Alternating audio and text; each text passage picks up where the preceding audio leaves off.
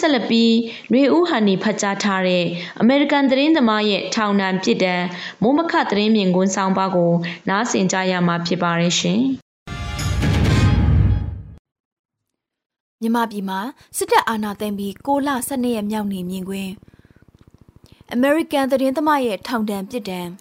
မေလ24ရက်နေ့ကရန်ကုန်ကနေသူ့နိုင်ငံကိုပြန်ဖို့လေရင်ကွင်းကနေအထွက်မှာအမေရိကန်နိုင်ငံသားမြန်မာနိုင်ငံတွင်းကပြည်တွင်းသတင်းဌာနတစ်ခုမှာအလုပ်လုပ်ကိုင်နေသူဒန်နီဖန်စတာကိုစစ်ကောင်စီကဖမ်းဆီးလိုက်ပြီးပထမဆုံးပုံမှန်905ကကြီးနဲ့အမှုဖွင့်ကအင်းစိန်ထောင်မှာချုပ်နှောင်ထားခဲ့ပါတယ်။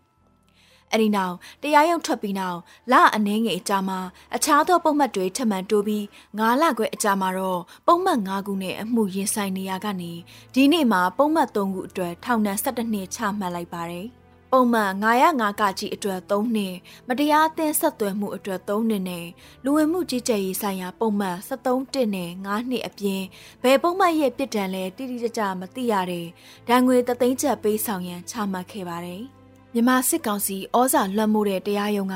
အမေရိကန်နိုင်ငံသားတည်သမားတယောက်ကိုထောင်ဒဏ်17နှစ်ချမှတ်လိုက်ခြင်းဟာခုဆယ်စုနှစ်များစွာအတွင်းထူးခြားတဲ့ပြည်ဒဏ်ချမှတ်မှုတစ်ခုအနေနဲ့တော်၎င်းမြန်မာနိုင်ငံရဲ့တည်င်းလွတ်လပ်ခွင့်အပေါ်ပါကြီးမားတဲ့ရိုက်ခတ်မှုတစ်ခုဖြစ်သွားပါပြီ။ ဦးသိန်းစိန်အစိုးရလက်ထက်2014ခုနှစ်က Unity သတင်းချန်နယ်ကစစ်တပ်လက်နက်ဆက်ယုံနဲ့ပတ်သက်လို့ဓာတုလက်နက်ဆက်ယုံဆိုတဲ့သတင်းဆောင်ပါဖော်ပြခဲ့ပြီးနောက်မှာသတင်းချန်နယ်ရဲ့အက်ဒီတာချုပ်အပါဝင်သတင်းသမား9ဦးကိုဖမ်းဆီးခံရပြီးနောက်နိုင်ငံတော်လျှို့ဝှက်ချက်အဥပဒေနဲ့ထောင်ဒဏ်10နှစ်စီချမှတ်ခဲ့ပါတယ်။နောက်ပိုင်းမှာအယူခံဝင်ရက9နှစ်အဖြစ်ပြောင်းလဲခဲ့တာပါ။ အလားတူပုံမှန်နဲ့2019ခုနှစ်ကုန်ပိုင်းမှာရိုက်တာကသတင်းတောက်2ဦးကိုလည်းအင်းတင်ရွာကလူတက်မှုနဲ့ပတ်သက်တဲ့သတင်းရေးသားဖို့စုံစမ်းမေးမြန်းရာကထောင်ချောက်စင်ဖမ်းဆီးခံရပြီးလျှို့ဝှက်ချက်အဥပဒေနဲ့ပဲထောင်ဒဏ်9နှစ်ချမှတ်ခဲ့ပြန်ပါတယ်။အဆိုပါဖမ်းဆီးမှုပြစ်တဲ့ချမှတ်မှုနှစ်ခုစလုံးဟာစစ်တပ်နဲ့သက်ဆိုင်တာစစ်တပ်ကတရလိုလို့အမှုဆွဲခဲ့တာတွေပဲဖြစ်ပါတယ်။ ရိုက်တာသတင်းတောက်နှစ်ဦးအမှုဆုံး NLD အစိုးရလက်ထက်မှာပင်လျင်တက်ကတရလိုလို့ဆွဲဆိုခဲ့တဲ့အဖြစ်ပြက်ဖြစ်ပါတယ်။ပြည်ထရေးဝန်ကြီးဌာနကတက်ရဲ့လက်အောက်မှာရှိတာကြောင့်တက်ကအားလုံးလုတ်ပိုင်ခွင့်ရှိတဲ့သဘောလည်းဖြစ်ပါတယ်။ NLD အနေနဲ့အထူးသဖြင့်ဒေါ်အောင်ဆန်းစုကြည်အနေနဲ့ရိုက်တာသတင်းတောက်ကိစ္စမှာတက်ကဖမ်းဆီးတရားစွဲတာကိုထောက်ခံပြောဆိုခဲ့တဲ့အဖြစ်ကသာရိုဟင်ဂျာကိစ္စတွေကိုအင်အားသုံးနှိမ်နင်းရေးအတွက်ထောက်ခံခဲ့လို့ဝေဖန်စရာဖြစ်ခဲ့တာဖြစ်ပါတယ်။အထက်ကအမှုနှမှုမှာ နိုင်ငံတော်လျှို့ဝှက်ချက်အဥပဒေပုံမှန်နဲ့ပြည်ဒဏ်ချမှတ်ခဲ့တာကြောင့်9နှစ်နဲ့10နှစ်စီပြည်ဒဏ်ကြခဲ့ရကအခုစစ်အာဏာသိမ်းပြီးနောက်အမေရိကန်နိုင်ငံသားဖြစ်သူဒန်နီဖန်စတာကိုတော့အထက်ကအမှုတွေတုန်းကထက်ပိုတဲ့ပြည်ဒဏ်ဖြစ်တဲ့17နှစ်ကိုချမှတ်ခဲ့တာဖြစ်ပါတယ်။ စစ်အာဏာသိမ်းပြီးမှအသစ်ပြထမ်းခဲ့တဲ့905ကကြီးနဲ့အမြင့်ဆုံးအပြစ်ပေးနိုင်တဲ့ပြစ်ဒဏ်၃နှစ်ချခဲ့သလို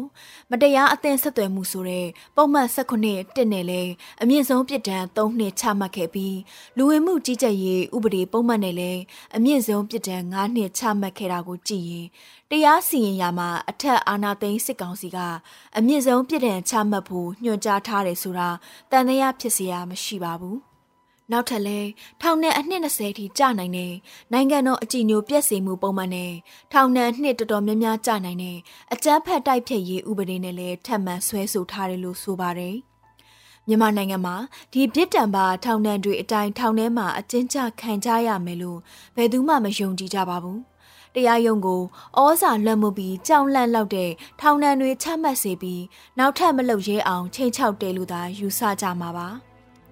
ဒီနေရာမှာအမေရိကန်အစိုးရနဲ့ဆက်ဆံရေးမကောင်းတာကိုအမေရိကန်နိုင်ငံသားသတင်းတောက်အပေါ်မှာမဲပြီးထောင်ချလေသလားဆိုတဲ့ယူဆမှုတွေတန်တရားတွေလည်းအများအပြားရှိပါတယ်။သတင်းမီဒီယာတွေအပေါ်မှာလည်းပြင်းထန်တဲ့ရာဇသံပေးပြီးဖြစ်တယ်လို့အမေရိကန်အစိုးရအပေါ်လည်းလက်တုံပြန်တဲ့နီလန်းလီလာလို့ယူဆစရာဖြစ်နေပါတယ်။ဒီနေ့အဖို့အခြားသတင်းတွေထဲမှာတော့ NLD ရုံးတွေဖောက်ခွဲခံရတဲ့သတင်းတွေမကြမကြဖော်ပြတာတွေ့နေရပါတယ်။ တနင်္သာရီတိုင်းကစတင်လိုက်ရမှာတော့အခုတော့အခြားသောတိုင်းနဲ့ပြည်နယ်တွေစီပြန့်နှံ့သွားပြီလို့ဆိုရမှာပါ